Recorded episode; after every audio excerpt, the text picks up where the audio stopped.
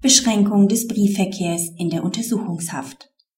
Eine Entscheidung des Oberlandesgerichts Celle beschäftigt sich mit dem Problem, unter welchen Voraussetzungen ein ausufernder Briefverkehr bei Gefangenen in der Untersuchungshaft beschränkt werden darf.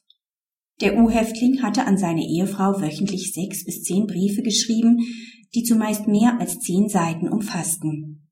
Da nach Ansicht des Landgerichts Hannovers die vorgeschriebene Überwachung des Briefverkehrs bei einem solchen Umfang nicht mehr zu leisten war, hat es den Briefverkehr des Gefangenen darauf beschränkt, an seine Ehefrau wöchentlich nur noch zwei Briefe mit einem Maximalumfang von zehn Seiten zu schreiben.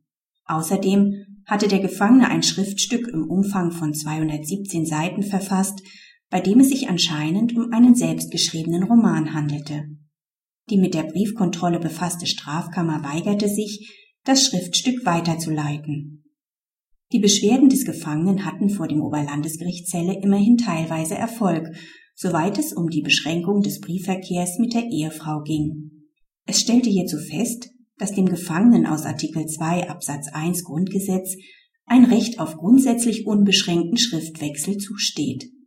Dieses Recht kann nur bei Missbrauch eingeschränkt werden. Ein solcher lag hier im Hinblick auf den Briefverkehr mit der Ehefrau noch nicht vor. Allerdings sei es dem Gefangenen zuzumuten, angesichts des Umfangs seiner Korrespondenz Verzögerungen bei deren Weiterleitung hinzunehmen, die sich aus der notwendigen gerichtlichen Kontrolle seiner Post ergeben. Die Nichtweiterleitung des von dem Gefangenen verfassten Romans war laut Oberlandesgericht hingegen zulässig, da es sich hierbei schon nicht um Briefverkehr im Sinne eines individuellen Gedankenaustausches handelte. Praxishinweis die Entscheidung des Oberlandesgerichts verdient Zustimmung. Die Briefkontrolle mag für die Gerichte lästig sein. Trotzdem kann eine Beschränkung des Schriftverkehrs nur im Ausnahmefall bei evidentem Missbrauch zulässig sein. Gefangenen steht oftmals nur der Schriftverkehr zur Verfügung, um sich mit Angehörigen auszutauschen. Das Besuchsrecht ist kärglich genug ausgestaltet. Eine Beschränkung auch dieses Rechts stellt deshalb einen tiefen Eingriff in die Persönlichkeitsrechte dar, der im Regelfall unterbleiben muss